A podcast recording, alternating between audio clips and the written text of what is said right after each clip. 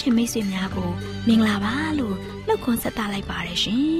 တော်တာရှင်များရှင်ခရစ်နှစ်2022ခုနှစ်စက်တင်ဘာလ9ရက်မြန်မာတက္ကရာ1384ခုနှစ်တော်သတင်းလာသန်း17ရက်တနင်္လာနေ့ညိုလင်းချင်းတန်မြမာစီစီများကိုစတင်တန်လွှင့်နေပါတယ်ရှင်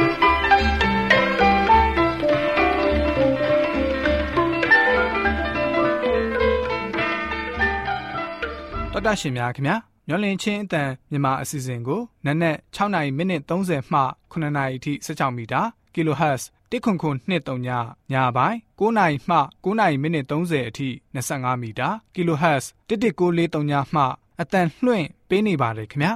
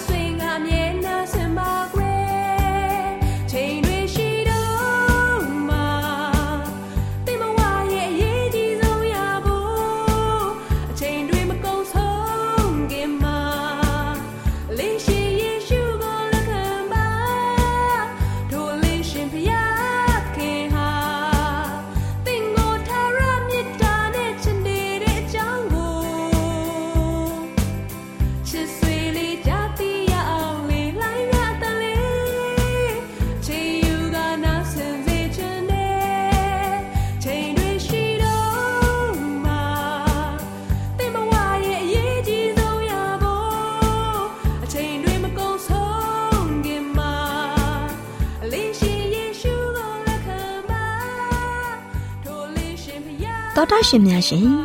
နေ့စဉ်အသက်တာခရစ်တော်၌တာအစီအစဉ်ကိုတိတ်ခါရောရစီဟာဥဆိုင်တာတွေးထံမှာမှတ်သားနိုင်ယူကြပါစို့လားရှင်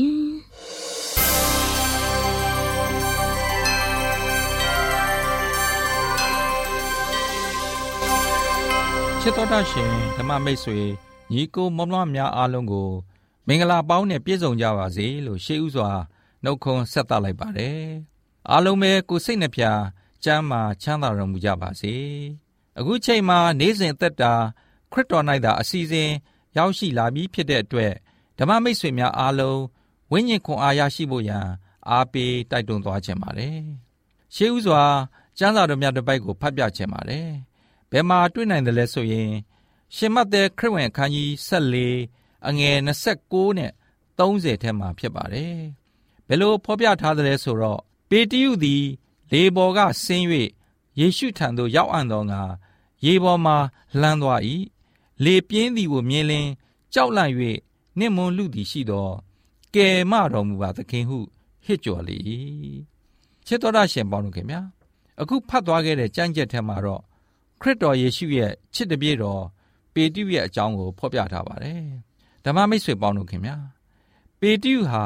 အင်တန်မှချစ်ဖို့ကောင်းပေမဲ့လည်း သူ့ရဲ့စိတ်အတွင်းထဲမှာတော့ရှူးရှူးဒိုင်းဒိုင်းနဲ့မပြောင်းလဲပဲရှိနေပါတယ်အဲ့ဒီလိုနဲ့တမနဲ့သုံးချက်တီးကြော်အချိန်မှာပဲခရစ်တော်ယေရှုဟာအိုင်ပေါ်မှာဆက်တော်ဖြန့်ပြီးတပြည့်တော်ရှိတဲ့နေရာကိုရောက်ရှိလာခဲ့ပါတယ်အဲ့ဒီချိန်မှာပဲခရစ်တော်ယေရှုရေပေါ်မှာလမ်းလျှောက်လာတာကိုမြင်တွေ့ရတဲ့ပေတရုဟာရေပေါ်မှာလမ်းလျှောက်ခြင်းစိတ်ရှိလာခဲ့ပါတယ်။အမှန်တော့သူဟာအင်မတန်မှကြွားလုံးထုတ်ခြင်းတဲ့ပုံကိုတယောက်ပါပဲ။ ဒါပေမဲ့ဘယ်လိုပဲဖြစ်ဖြစ်သာသနာအမှုထမ်းတဦးအနေနဲ့ပေတရုဟာခရစ်တော်နဲ့အတူရေပေါ်မှာလမ်းလျှောက်နိုင်တယ်ဆိုတဲ့မှတ်ကြောက်ကိုတော့သာသနာသမိုင်းမှာမှတ်တမ်းတင်နိုင်ခဲ့တဲ့ပုံကိုတူပဲဖြစ်ပါတယ်။ချစ်တော်ရရှင်ပေါင်းတို့ခင်ဗျာအခုဆက်လက်ပြီးတော့ရှင်ပေတရုအနေနဲ့ရေပေါ်မှာလမ်းလျှောက်ခဲ့တဲ့အကြောင်းအရာကိုကြည့်တဲ့အခါအများစုဟာရှင်ပေတရုရဲ့ပြဿနာကိုသတိပြုမိကြမှာဖြစ်ပါတယ်။အထူးသဖြင့်ပေတရုဟာ သူ့ရဲ့အပေါင်းအသင်းတွေကို အကြွားသဘောနဲ့လက်ကြည့်လိုက်လို့ခရစ်တော်ယေရှုနဲ့မျက်ခြေပြတ်သွားခဲ့ရပါတယ်။ထိုနည်း၎င်းပါပဲ။ဒီကနေ့ကျွန်တော်တို့ဟာလည်းတစ်ချိန်တည်းမှာခရစ်တော်ယေရှုနဲ့တခြားသူတွေကိုတပြိုင်တည်းကြည့်လို့မရပါဘူး။ဘာကြောင့်လဲဆိုတော့ခရစ်တော်နဲ့မျက်ခြေပြတာနဲ့မိษွေတို့နဲ့ခရစ်တော်ယေရှုကြားမှာမုံတိုင်းလိုင်းလုံးတွေဟာဝင်ရောက်နေရာယူသွားမှာဖြစ်ပါတယ်။ဒါကြောင့်ခရစ်တော်ဖျားမပါဝင်တဲ့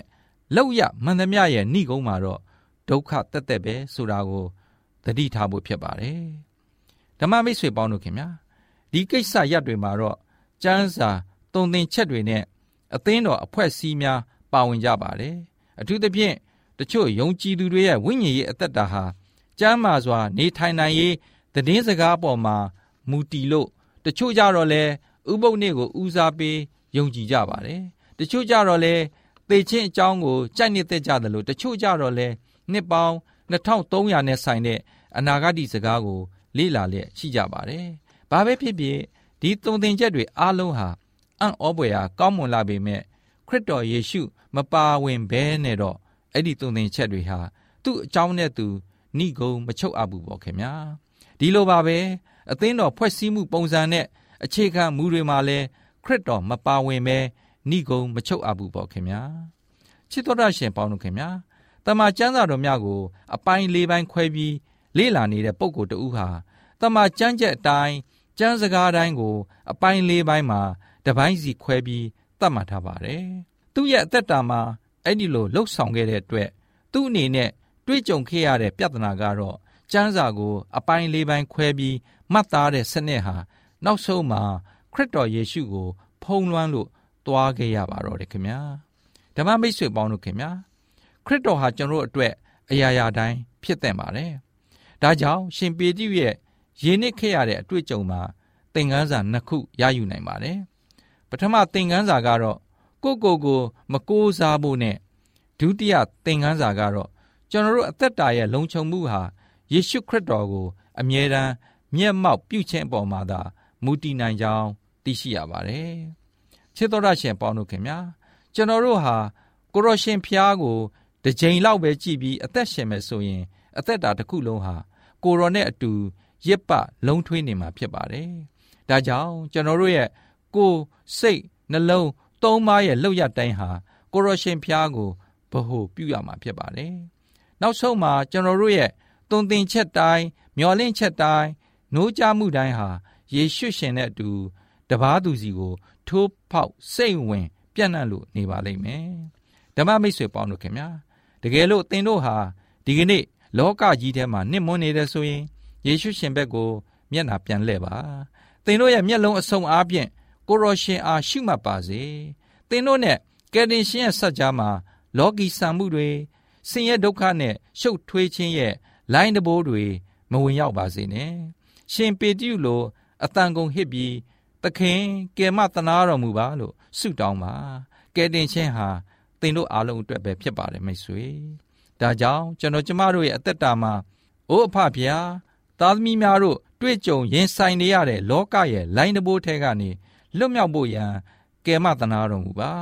ကိုရရှင်ဖျားကိုအမြဲတမ်းမျက်မှောက်ပြုလျက်ကိုရရှင်ပေးမိကယ်တင်ခြင်းဆုကျေးဇူးကိုရရှိဖို့ရန်မားစတော်မူပါ အာမင်ဆိုပြီးဆုတောင်းကြပါစို့ ချစ်တော်တာရှင်ဓမ္မမိတ်ဆွေညီကိုမောင်နှမအရောက်စီတိုင်းပေါ်မှာဖျားရှင်ထံမှကောင်းကြီးမင်္ဂလာပြပြကြားရောက်ပြီး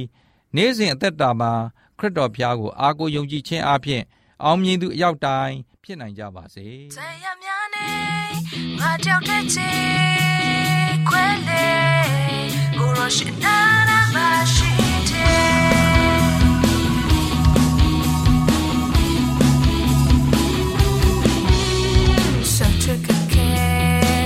salone lo caccia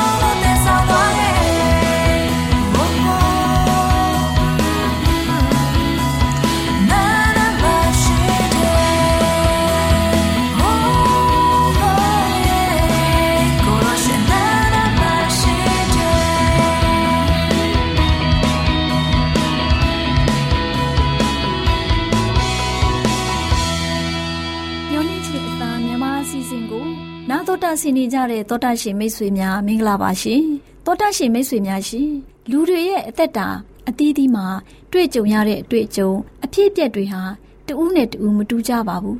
သူတို့ပြောပြတဲ့အဖြစ်အပျက်တွေကိုနာတော်တာဆရာချင်းဖြင့်ကြားသိရတဲ့အခါမှာသင်ခန်းစာယူစရာဝိညာဉ်ခွန်အားတိုးပွားစရာတွေဖြစ်စေပါတယ်ဒီကနေ့မှလည်းဆ iam မလေးတူဖြစ်တဲ့ဆ iam မလမ်နိုရဲ့ရီမန်းချက်ပန်းတိုင်ရောက်ရန် မဝေးတော့ပါဘူးဆိုတဲ့အကြောင်းနဲ့ပတ်သက်ပြီးတက်တဲ့ခံပြောပြတဲ့ကိုတွေ့အဖြစ်အပျက်ကလေးကို နားတော်တာဆင်ကြပါစို့ဒေါက်တာရှင်မိတ်ဆွေများရှင်ဆီယမလျမ်နိုဟာချင်းမျိုးသမီးတူဖြစ်ပါတယ်သူမဟာ2003ခုနှစ်မှာသာသနာပြုဆီယမလေးတူဖြစ်ပါတယ်သူဟာမိဘမဲ့ကလေးတွေကိုစာတင်ရင်းသာသနာလုပ်ငန်းကိုလုပ်ကင်ပါတယ်မေမြို့မှာကျောင်းလေးတစ်ကျောင်းဖွင့်ပြီးရွှေပလောင်ကလေးတွေကိုစာတင်ပါတယ် သူမရဲ့ចောင်းသားက73ယောက်ရှိပါတယ်။ចောင်းသားလေးတွေဟာအရိုင်းပန်းလေးတွေဖြစ်တဲ့အတွက်စာသင်ရတာလေအင်မတန်မှခက်ခဲပါတယ်။ဆီယာမကချင်းလူမျိုးကလေးတွေကပလောင်လူမျိုးဆိုတော့တိတ်မလွယ်လာပါဘူးပေါ့။ဆီယာမအနေနဲ့စေတနာဝါသနာအနှစ်နာပါမကအကျဉ်းနာတရားပွားပြီးကလေးတွေကိုစာသင်ရင်းကလေးတွေကိုတန်ရောစီရှိသွားပါတယ်။ကျောင်းပိတ်တော့ကလေးတွေရဲ့ရရွာဒေသအခြေအနေကိုသူမသိသိချင်တဲ့အတွက် 2004ခုနှစ်မှာ2004ခုနှစ်ဧပြီလမှာကလေးတွေရဲ့ရွာကိုသွားရောက်ခဲ့ပါတယ်။ရွာကကြောက်မဲရဲ့အထက်ဘက်မှာရှိတဲ့ကိုပေါင်ကျေးရွာဖြစ်ပါတယ်။ဆီယမလမ်နိုဟာပြည်ဦးလွင်ကနေပြီးကုံတင်ကားနဲ့ညနေ2နာရီလောက်မှာစတင်ထွက်ခဲ့တယ်။9နာရီရောက်တော့ရတနာသိင်္ဂီမိုင်းကိုရောက်ခဲ့တယ်။ပြီးတော့အထုပ်အပိုးတွေကိုထမ်းပြီးခြေကြီးနှစ်ရက်သွားရတယ်။ဖြတ်သွားတဲ့ရွာတွေကပန်တပြေ နန့်ခွန်ရွာပန်မူးလေးပန်မူးကြီးနောက်ဆုံးတော့ကိုပေါင်ရွာကိုရောက်ခဲ့တယ်။အဲ့ဒီရွာဟာရွှေပလောင်ရွာဖြစ်တယ်။ရွာဟာရေရှားတယ်။တရွာလုံးမှာချောင်းတစ်ခုတည်းရှိတယ်။ရွာကအိမ်ခြေတရာရှိတယ်။ရွာကအိမ်သာမရှိဘူး။ခွေးနွားမြင်းတွေကိုဒီအတိုင်းလွတ်ထားတယ်။အိမ်တွေကသက်ကယ်နဲ့မိုးထားတယ်။အခင်းကဝါးနဲ့ခင်းတယ်။သူတို့ရွာသားတွေရဲ့စားတဲ့အစားအစာကမြစ်ချင်နဲ့မုံညင်းဖြစ်တယ်။ အမျိုးသားမှန်သမျှဘိန်းရှူတယ်။အရက်တောက်တယ်။အမျိုးသမီးတွေကတော့လဲလုတ်တယ်။လက်ဖက်ခင်းမှာလက်ဖက်ခူးတယ်။ကလေးတွေကိုအလုတ်ထဲမှာခိုင်းတယ်။ပညာမပေးကြဘူးတဲ့။တတမနေ့အသင်းတော်ကထောက်ပံ့ပြီးကလေးတွေကိုကြောင်းထားပေးခဲ့တယ်။ဆ iam လျမ်နိုဟာကိုပေါင်ရွာမှကလေးအယောက်30ကိုခေါ်လာခဲ့တယ်။အပြန်မှာအခက်အခဲတွေ့ရတယ်။မိဘ9ယောက်ကလေးဝိုင်းထိန်ဖို့ခေါ်လာခဲ့တယ်။ အပြန်မှာမိုးရွာလို့ရေတွေကြီးတဲ့အတွက်ရေကူးပြီးပြန်လာကြရတယ်။စိတ်ဖူရွာဖြစ်တဲ့ရှမ်းရွာမှာတညအိတ်ကြရတယ်။ဆက်လက်ပြီးခရီးထွက်လာခဲ့ကြပြီးအိုမခါရွာကိုရောက်တဲ့အခါမှာပြည်ဦးလွင်အထိဒိန်တောင်ကားနဲ့ပြန်လာကြရတယ်။ပြည်ဦးလွင်ရောက်တဲ့အခါမှာခလေးတယောက်ဆိုင်ကယ်တိုက်မိပြန်ရောခလေးကောင်းဒဏ်ရာရခဲ့တယ်။ ဆေးကန်းပြတ်ပြီးမကြခင်မှာခလေးကောင်းဒဏ်ရာပျောက်သွားခဲ့ပါတယ်။ဆ iam လျမ်တို့ဟာမေတ္တာစေတနာပြည့်ဝစွာနဲ့ရွှေပလောင်ကလေးတွေကိုသွားရောက်ခေါ်ပြီးပညာသင်ပေးခဲ့ပါတယ်။သူမရဲ့ရည်မှန်းချက်ကတော့ရွာမှာရှိတဲ့ကလေးတွေရဲ့အဆင့်အတန်းမြင့်မြင့်နေထိုင်တတ်ဖို့နဲ့ပညာတတ်ကလေးတွေဖြစ်ဖို့အထူးသဖြင့်ဝိညာဉ်ရေးကယ်ဆယ်ရေးအတွက်ဖြစ်ကြောင်းပြောပြခဲ့ပါတယ်။ဆ iam လမ်နိုရဲ့စ조사မှုကြောင့်ကလေးတွေဟာအသင်းတော်ရဲ့ထောက်ပံ့မှုကြောင့် ကောင်းကောင်းပညာသင်ကြားခဲ့ရပါတယ်။ဆ iam လေးအနေနဲ့စာတက်လာပြီးအတန်းတွေရလာတဲ့ကလေးတွေကိုမြောင်းမြကျန်းစာကျောင်းကိုပို့ဖို့ရည်မှန်းထားပါတယ်။ဒါကြောင့်ဆ iam လေးရဲ့ရည်မှန်းချက်ပန်းတိုင်ရောက်ဖို့မဝေးတော့ပါဘူးလို့ပြောခဲ့ပါတယ်။တောတတ်ရှင်မိတ်ဆွေတို့လည်းဆ iam လေးလမ်နိုရဲ့ကျောင်းသားတွေအပေါ်စေတနာထားမေတ္တာပွားပြီးသူမထားခဲ့တဲ့ရည်မှန်းချက်ကိုကြားနာသိရှိရပြီးတော့ဆင်းရဲတဲ့ကလေးတွေမိဘမဲ့ကလေးတွေကိုပညာပေးပြီး ကုညီမဆာနိုင်ကြပါစေ။။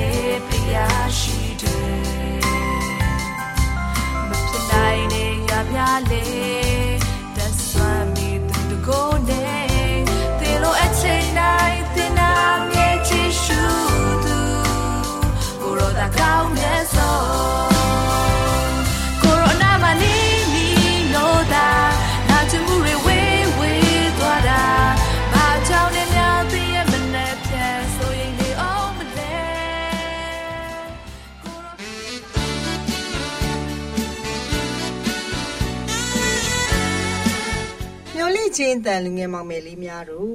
ကဘာကြိုးကြားပုဂ္ဂိုလ်များအစီအစဉ်မှာဒေသအထုယူပွဲကဘာစားဆိုးကြီးများနဲ့အခြားပုဂ္ဂိုလ်ကျော်ကြီးများအကြောင်းကို တင်ပြပေးသွားမှာဖြစ်ပါတယ်။ယနေ့လူငယ်မောင်မယ်လေးတို့အတွက်အတူယူပြီးဘဝခွန်အားဖြစ်စေမဲ့ပုဂ္ဂိုလ်ကြီးကတော့ Charles Dickens ရဲ့အကြောင်းပဲဖြစ်ပါတယ်ကွယ်။လူငယ်မောင်မယ်လေးတို့ရေ Charles Dickens ဟာနာမည်ကျော်အင်္ဂလိပ်စာရေးဆရာကြီးတစ်ယောက်ဖြစ်ပါတယ်။ သူ့ရဲ့ဖခင်ဟာရေတက်လာစာငွေထုတ်ပေးတဲ့ရုံမှာစက်ရေးတစ်ယောက်ဖြစ်ပါတယ်။သူ့ရဲ့သားသမီး၈ယောက်ထဲမှာဒစ်ကင်းဟာဒုတိယမြောက်သားဖြစ်ပါတယ်ကွယ်။သူတို့မိသားစုဟာအင်မတန်မှဆင်းရဲပါတယ်ကွယ်။တရက်ကနေတရက်ရွှေ့ပြောင်းနေထိုင်ကြရပါတယ်။ Charles Dickens ကိုတော့ Portsmouth မှာမွေးဖွားခဲ့ပါတယ်။ဒါပေမဲ့သူတို့ဟာလန်ဒန်မြို့ကို ပြောင်းရွှေ့နေထိုင်သွားကြပါတယ်။ လူငယ်မောင်မယ်လေးတို့ရေအဲ့ဒီမှာသူ့ရဲ့ဖခင်ဟာအကျွေးတွေတက်ပြီးတော့အတော်ကိုဒုက္ခရောက်ခဲ့ရတာပေါ့ကွယ်လူငယ်မောင်မယ်လေးတို့ရေအဲ့ဒီနောက်မှာတော့ Charles Dickens ရဲ့ဖခင်ဟာအကျွေးတွေမဆက်နိုင်တဲ့အတွက်အချုပ်ထောင်ထဲကိုရောက်သွားရတော့ပါတယ်ဒီကစ်တိုမိသားစုဟာဆင်းရဲလွန်းလို့အိမ်သုံးပစ္စည်းတွေကိုထုတ်ပြီးတော့ရောင်းရပါတယ်အဲ့ဒီတုန်းကတော့ Diskin ဟာ အသက်12နှစ်အရွယ်လူငယ်လေးတစ်ယောက်ပါအဲ့ဒီခေတ်ဥပဒေအရသူ့မိခင်နဲ့ကလေးငယ်တွေကလည်းဖခင်နဲ့အတူအကျဉ်းထောင်စီကို လိုက်သွားရပါတယ်အဲ့ဒီအခါမှာတော့ချားစာကင်တန်မြို့မှာတယောက်တည်းကြံရင်ခဲ့ပြီးထမင်းစားနိုင်ဖို့ရန်အတွက်စက်ယုံတယုံမှာတပတ်မှာ6ရှင်လင်နှုံးနဲ့အလုပ်ဝင်ရပါတယ်ကွယ်ဒီလိုနဲ့သူ့ရဲ့ဖခင်ထောင်ထဲမှာ3လနေပြီးတဲ့နောက်မှာတော့ အကျွေးတွေကိုပေးဆက်နိုင်တဲ့အတွက်သူ့ဖခင်ဟာထောင်ကနေလွတ်လာခဲ့ပါတယ်လူငယ်မောင်မယ်လေးတို့ရေအဲ့ဒီအချိန်မှာဒစ်ကင်းဟာကြောင်းနေခွင့်ရခဲ့ပါတယ်ကွယ်သူ့ရဲ့အသက်15နှစ်အရွယ်မှာတော့ရှေ့နေရုံမှာစည်ရေးကိုဝင်လုပ်ပါတယ်နောက်တစ်နှစ်ခွဲလောက်ကြာတဲ့အခါမှာတော့တရားရုံးဆိုင်ရာသတင်းတောက်ဖြစ်လာခဲ့ပါတယ်အဲ့ဒီအလုပ်ကိုလုပ်ရင်ဒစ်ကင်းဟာ ခရီးတွေအများကြီးသွားရပြီးလူအမျိုးမျိုးအဖြစ်အပျက်အမျိုးမျိုးနဲ့ကြုံတွေ့ရတာကြောင့်စာရေးဖို့ရန်အတွက်ကုန်ချမ်းတွေကိုများစွာရရှိခဲ့ပါတယ်ကွယ်လူငယ်မောင်မယ်လေးတို့ရေဒစ်ကင်းရဲ့စာရေးဆရာဘဝအစဟာသတင်းထောက်ဘဝမဂ္ဂဇင်းသမားဘဝနဲ့စခဲ့ရလို့သတင်းနဲ့ရဲရွှင်ပွဲရာစာတူပေစလေးတွေကို ရေးခဲ့ပါတယ်ဒါပေမဲ့စာရေးဆရာပါရမီရှိပြီးဖြစ်လို့တိတ်မကြခင်မှာ ဝတ္ထုရှည်တွေကိုရေးပြီးတော့ကဘာကျော်ပုဂ္ဂိုလ်ကြီးတယောက်ဖြစ်လာခဲ့ပါတယ်ကွယ်လူငယ်မောင်မယ်လေးတို့ရေသူရေးသမျှဝတ္ထုတွေအတွက်ရေးစရာအကြောင်းအရာအတွေ့အကြုံနဲ့ခံစားချက်တွေကိုသူ့အဖို့တကူးတကရှားပွေးစရာမလိုပဲသူကိုယ်တိုင်ဖြတ်သန်းခဲ့ရတဲ့ဘဝအတွေ့အကြုံတွေနဲ့ခံစားချက်တွေကိုသာအခြေခံပြီးရေးခဲ့ပါတယ်ကွယ်အင်္ဂလန်နဲ့ပြင်သစ်သမိုင်းကို နောက်ခံပြုထားပြီးတည်ရည်တည်ရတောက်စားခြင်းကြောင့် ဘဝအောက်တန်းကြခဲ့ရပုံနဲ့သူငယ်ချင်းတယောက်အတွက်အသက်ဆုံးခဲ့ပုံတို့ကိုကြေကွဲဖွယ်ရာရေးဖွဲ့ခဲ့ပါတယ်လူငယ်မောင်မယ်လေးတို့ရေဒီစကင်ဟာအသက်24နှစ်အရွယ်မှာအက်ဒီတာတူရဲ့သမီးကက်သရင်းဟိုဂတ်နဲ့လက်ထပ်ခဲ့ပါတယ်။ဒါပေမဲ့အိမ်တော်ကြီးအဆင်မပြေတဲ့အတွက်နောက်ဆုံးမှာလမ်းခွဲခဲ့ကြရပါတယ်။လူငယ်မမယ်လေးတို့ရေဒီစကင်ဟာကမှုရှုရိုးသမားတယောက်ဖြစ်ပြီးတော့ ဝမ်းတာဝမ်းနဲ့လွယ်ပါတယ်။မှန်တဲ့တင်ရဲ့တစ်ဖက်သားကိုတိုက်ခိုက်ဖို့ဝင်မလေးပါဘူး။လူငယ်မောင်မယ်လေးတို့ရေအများအားဖြင့်အောက်တန်းစားစင်ရဲသားအလုပ်သမားများအကြောင်းကို သူ့အနေဖြင့်ဇက်လန်းဖွဲ့ရေးလေးရှိပါတယ်။ဒါပေမဲ့သူ့ရဲ့စားတွေကိုတော့လူရန်စားမရွေအားလုံးကနှစ်ချိုက်ကြတယ်လို့ဆိုပါတယ်။လူငယ်မောင်မယ်လေးတို့ရေအင်္ဂလိပ်စာပေသမိုင်းမှာရှိတ်စပီးယားနဲ့ဒန်းတူထားပြီးပြိတ္တရဲ့ လေးစားကြည်ညိုခြင်းခံရသူတို့အထက်ဒစ်ကင်လည်းတူအပါဝင်ဖြစ်ပါတယ်ကွယ်။သူ့ရဲ့အရေးသားပြည့်ပြည့်မှုတဘာဝကြမှု တင်ပြပုံစိတ်ဝင်စားဖွယ်ကောင်းမှုတွေဟာစာပေသမားတိုင်းရဲ့အတူယူပွဲနီးယူဖွယ်များဖြစ်ခဲ့ပါတယ်။အထူးသဖြင့်သူ့ရဲ့ဇက်ကောင်းတွေဟာနိုင်ငံသမိုင်းမှာအမှန်တကယ်ရှိခဲ့တဲ့လူတွေထက်ပေါ်လွင်ထင်ရှားအောင်ရေးဖွဲ့နိုင်ခြင်းက သူ့ရဲ့ထူးခြားတဲ့ပါရမီလို့ဆိုရမှာပါကွယ်။လူငယ်မောင်မယ်လေးတို့ရေဒီနေ့ကြားသိရတဲ့ကဘာကျော်ကြားပုဂ္ဂိုလ်ကြီးကတော့ရှိတ်စပီးယားနဲ့ဒန်တူတာလေးစားခြင်းခံရတဲ့ Charles Dickens ရဲ့အကြောင်းပဲဖြစ်ပါတယ်။မျော်လင့်ခြင်းအတန်တော်တာရှင်များရှင်ကဘာကြိုးကြားပုဂ္ဂိုလ်များအစည်းအဝေးမှာလေးစားအတူယူပွဲကဘာစားဆိုကြီးများနဲ့အခြားပုဂ္ဂိုလ်ကျော်ကြီးများစာအုပ်မှာစာရေးသူဆရာကြီးဦးဝံတိန်ရေးသားထားတဲ့ Charles Dickens ရဲ့အကြောင်းကိုကောက်နှုတ်တင်ဆက်ပေးခဲ့ခြင်းပဲဖြစ်ပါတယ်ရှင်။သောတာရှင်များရှင်ကျမတို့ရဲ့ဗျာဒိတ်တော်စာပေးစာယူသင်တန်းဌာနမှာအောက်ပါသင်တန်းများကိုပို့ချပေးလျက်ရှိပါတယ်ရှင်။သင်တန်းများမှာစိတ်ဓာတ်ဒုက္ခရှာဖွေခြင်းခရစ်တော်၏အသက်တာနှင့်တုန်တင်ချက်များတဘာဝတရားဤဆရာဝန်ရှိပါကျမ်းမာခြင်းနဲ့အသက်ရှည်ခြင်းသင်နဲ့တင့်ကြမာရေးရှားဖွေတွေ့ရှိခြင်းလမ်းညွန်သင်ခန်းစာများဖြစ်ပါရဲ့ရှင်။သ င်တန်းအလုံးဟာ အခမဲ့သင်တန်းတွေဖြစ်ပါတယ်။ဖြစ်ဆိုပြီးတဲ့သူတိုင်းကိုဂုံပြုလွှာချီးမြှင့်ပေးမှာဖြစ်ပါရဲ့ရှင်။တော်တာရှင်များခင်ဗျာဓာတိတော်အတန်းစာပေးစာယူဌာနကိုဆက်သွယ်ခြင်းနဲ့ဆိုရင်တော့ဆက်သွယ်ရမယ့်ဖုန်းနံပါတ်ကတော့39 656 296 336နဲ့39 998 316 694ကိုဆက်သွင်းနိုင်ပါတယ်။ဓာတိတော်အတန်းစာပေးစာဥထာဏာကိုအီးမေးလ်နဲ့ဆက်သွယ်ခြင်းနဲ့ဆိုရင်တော့ l a l r a w n g b a w l a @gmail.com ကိုဆက်သွင်းနိုင်ပါတယ်။ဓာတိတော်အတန်းစာပေးစာဥထာဏာကို Facebook နဲ့ဆက်သွယ်ခြင်းနဲ့ဆိုရင်တော့ s o e s a n d a r Facebook အကောင့်မှာဆက်သွင်းနိုင်ပါတယ်။ AWR မျော်လင့်ခြင်းအတန်ကိုအားပေးနေတယ်တော်တာရှင်များရှင် မျော်လင့်ခြင်းအတန်မှာအကြောင်းအရာတွေကိုပုံမသိရှိပြီးဖုန်းနဲ့ဆက်သွယ်လိုပါက39 2939 3926 445နောက်ထပ်ဖုန်းတစ်လုံးအနေနဲ့39 688 464 489ကိုဆက်သွယ်နိုင်ပါတယ်ရှင် AWR မျော်လင့်ခြင်းအတန်ကို Facebook နဲ့ဆက်သွယ်ခြင်းနဲ့ဆိုရင်တော့ AWR ရန်ကုန် Facebook Page မှာဆက်သွယ်နိုင်ပါတယ်ခင်ဗျာအင်တာနက်ကနေမျော်လင့်ခြင်းအတန်ရေဒီယိုအစီအစဉ်တွေကိုနားထောင်ခြင်းနဲ့ဆိုရင်တော့ website လိပ်စာကတော့ www.awr.org ဖြစ်ပါတယ်ခင်ဗျာတော်တာရှင်များရှင် KSTA အာကခွန်ကျွန်းမှာ AWR မျော်လင့်ခြင်းအတန်မြန်မာအစီအစဉ်များကိုအတန်လွှင့်ခဲ့ခြင်းဖြစ်ပါတယ်ရှင် AWR မျော်လင့်ခြင်းအတန်ကိုနာတော်တာဆင် gay ကြတော့တောတာရှင်အရောက်တိုင်းပေါ်မှာဖျားသခင်ရဲ့ကြွယ်ဝစွာသောကောင်းကြီးမင်္ဂလာတက်ရောက်ပါစေ။ကိုစိတ်နှဖျားကျမ်းမာရွှင်လန်းကြပါစေကျေးဇူးတင်ပါတယ်ခင်ဗျာ